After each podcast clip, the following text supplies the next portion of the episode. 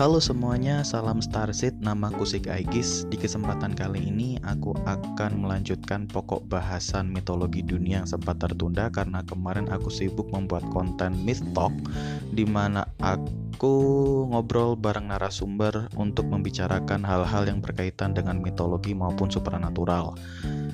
Dan sejujurnya aku kangen untuk melanjutkan pokok bahasan mitologi dunia yang sempat tertunda. Nah, kali ini aku akan mulai dengan membahas mitologi dari negeri gingseng yaitu mitologi Korea. Karena aku terinspirasi dengan budaya Korea. Ya lebih tepatnya sih karena aku nonton acara Produce X101, aku jadi tertarik untuk membahas Korea, khususnya membahas mitologi Korea. Nah, seperti apa mitologi Korea sendiri? Sebelum kita mulai membahas mitologi Korea, aku akan memberikan sebuah pendahuluan di mana mitologi Korea sendiri sebenarnya terbagi menjadi beberapa aspek atau beberapa versi sehingga ada banyak versi tentang penciptaan mitologi Korea yang sesuai dengan daerah masing-masing. Mitologi Korea Utara berbeda proses penciptaannya dengan mitologi Korea Selatan. Tapi semua akan aku rangkum dalam judul mitologi Korea. Nah, seperti apa proses penciptaan dari mitologi Korea sendiri? Yang pertama adalah Chang Sega.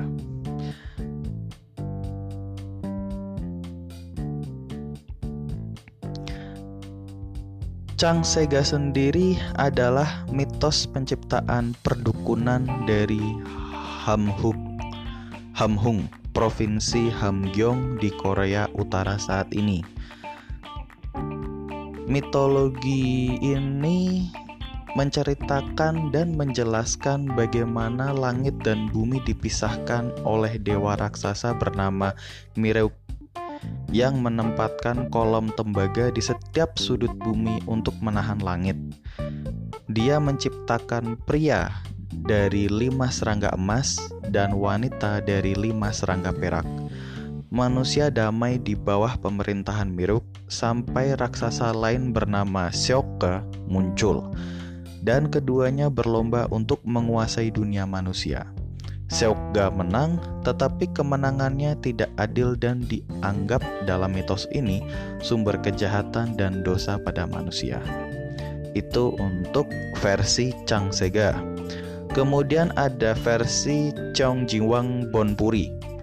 Cheong Jiwang Bonpuri adalah mitos penciptaan perdukunan dari Pulau Jeju di Korea Selatan saat ini.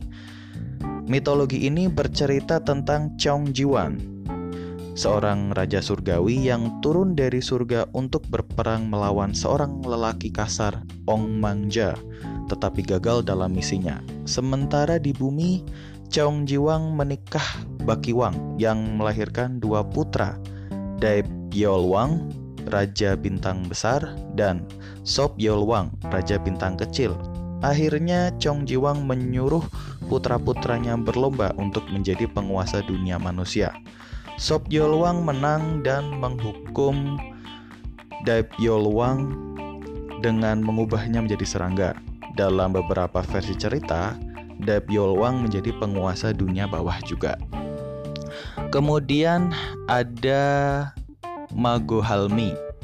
Mago Halmi adalah mitos penciptaan dari wilayah Kwanbuk di provinsi Hamgyong Utara di Korea Utara saat ini tentang seorang dewi raksasa bernama Nenek Mago. Mago menciptakan semua formasi geologi di bumi menggunakan lumpur, batu, dan urin serta kotorannya sendiri. Yak. Tidak seperti mitologi penciptaan tentang dewa laki-laki. Mitos ini hanya diturunkan secara lisan dan tidak termasuk dalam catatan formal atau ritual. Kemudian ada Sirumal. Sirumal adalah mitos penciptaan perdukunan dari Osan, provinsi Gyeonggi di Korea Selatan. cerita ini ditampilkan di depan pengukus ritual yang disebut Siru. Dalam cerita ini, Dang Chilseong menghabiskan malam dengan Lady Maihua yang melahirkan dua putra Seonmun dan Human. Setelah Dang Chilseong pergi, anak-anak laki anak-anak lelaki itu diejek di sekolah karena tidak memiliki ayah kemudian belajar tentang ayah mereka dan naik ke langit untuk bertemu dengan ayahnya. Dia kemudian memberi Seonmun kerajaan Dai Hangguk dan Human kerajaan Song Hangguk. Ayah sangat baik sekali. Kemudian ada mitos pendiri. Mitos pendiri ini ada beberapa versi juga yang pertama adalah Gyeongguk Sinwa adalah mitos yang menjelaskan pendirian suatu bangsa. Mitos-mitos pendiri kuno Korea sering memasukkan kisah tentang persatuan ayah langit dan ibu bumi. Mitos pendiri abad pertengahan Korea sebagai gantinya menetapkan bahwa penguasa Korea memiliki garis keturunan ilahi tetapi bukan dewa itu sendiri. Kemudian ada Danggun Danggun Wanggeom adalah pendiri Gojoseon, kerajaan pertama Korea. Diyakini ia mendirikan Gojoseon pada tahun 2333 sebelum Masehi. Kisah Danggun direkam dalam dua dokumen dari abad ke-13 Masehi bernama Samgung Yusa dan Jewang Unggi. Kakek Danggun bernama Wang In adalah tuan surga, sementara ayahnya Wang Un turun ke bumi dan mendirikan masyarakat di semenanjung Korea. Dalam beberapa versi mitos, masyarakat terletak di Gunung Taebaeksan dan dalam versi lain terletak di Gunung Paektu. Ketika seekor beruang dan seekor harimau datang ke Huang Un meminta untuk menjadi manusia, ia memberi mereka masing-masing seikat makanan suci untuk dimakan dan menyuruh mereka tinggal di gua selama 100 hari. Setelah itu, mereka akan menjadi manusia. Sementara harimau menyerah, beruang itu mengikuti arahan Huang Un dan diubah menjadi wanita menjadi wanita manusia bernama Ung Yeon. Ung Yeon dikawinkan dengan Huang Un dan melahirkan Danggun. Danggun memerintah Gojoseon selama 1500 tahun sebelum menjadi dewa gunung Sansin. Nah, seperti itu mitologi penciptaan Korea sendiri. Sebenarnya kalau dari sini kita lihat bahwa mitologi Korea erat kaitannya dengan serangga yang sebenarnya serangga ini itu juga disinggung dalam mitologi Mesir kalau tidak salah. Mitologi Mesir juga erat kaitannya dengan serangga bernama scarab, di mana serangga scarab ini dianggap keramat atau suci.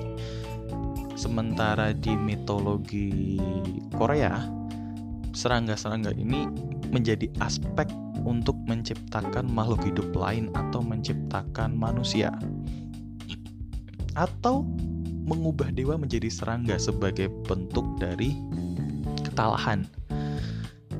Dan di sini kita melihat adanya proses shape shifting atau proses pengubahan bentuk dari sosok dewa menjadi serangga, kemudian serangga menjadi manusia, yang sepertinya lumrah dalam mitologi Korea. Dan sebenarnya mitologi Korea sendiri bisa dibilang original dari Korea itu sendiri. Jadi tidak ada saduran dari mitologi lain seperti halnya mitologi Jepang yang menyadur dari mitologi Cina.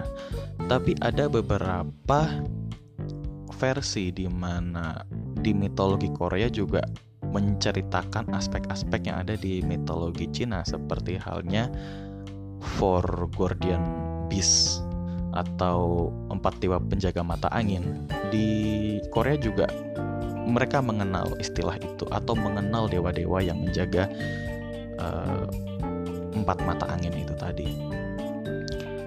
Tapi jujur, aku terkesima dengan budaya Korea, tepatnya mitologi Korea, karena mitologi Korea ini selain original juga memberikan informasi baru terkait dengan proses penciptaan mitologi yang tidak banyak diketahui orang.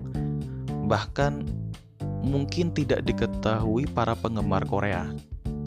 Ya ya K-popers atau Korean drama lovers. Jarang ada yang tahu tentang mitologi penciptaan dari Korea sendiri. Dan sangat menarik untuk diulik uh, sangat menarik untuk diulik lebih lanjut terutama di Korea mengenal istilah afterworld. Nah, seperti apa afterworld itu? Ini berbeda dengan underworld yang ada di mitologi lain. Afterworld ini semacam kayak istilah baru tapi sebenarnya juga merujuk pada underworld. Ya, mungkin underworld dalam versi Korea. Tapi dalam versi Korea ini tidak disebutkan underworld tapi disebutkan afterworld. Afterworld sendiri kan kalau secara etimologis berarti kan dunia setelah atau dunia di kemudian hari atau dunia setelah ini gitu. Yang berarti di Korea tidak mengenal istilah dunia bawah tapi mengenal dunia setelahnya. Cukup menarik bukan? Nah, sekian pembahasan podcastku kali ini. Sampai jumpa di podcast-podcastku yang selanjutnya. Bye bye.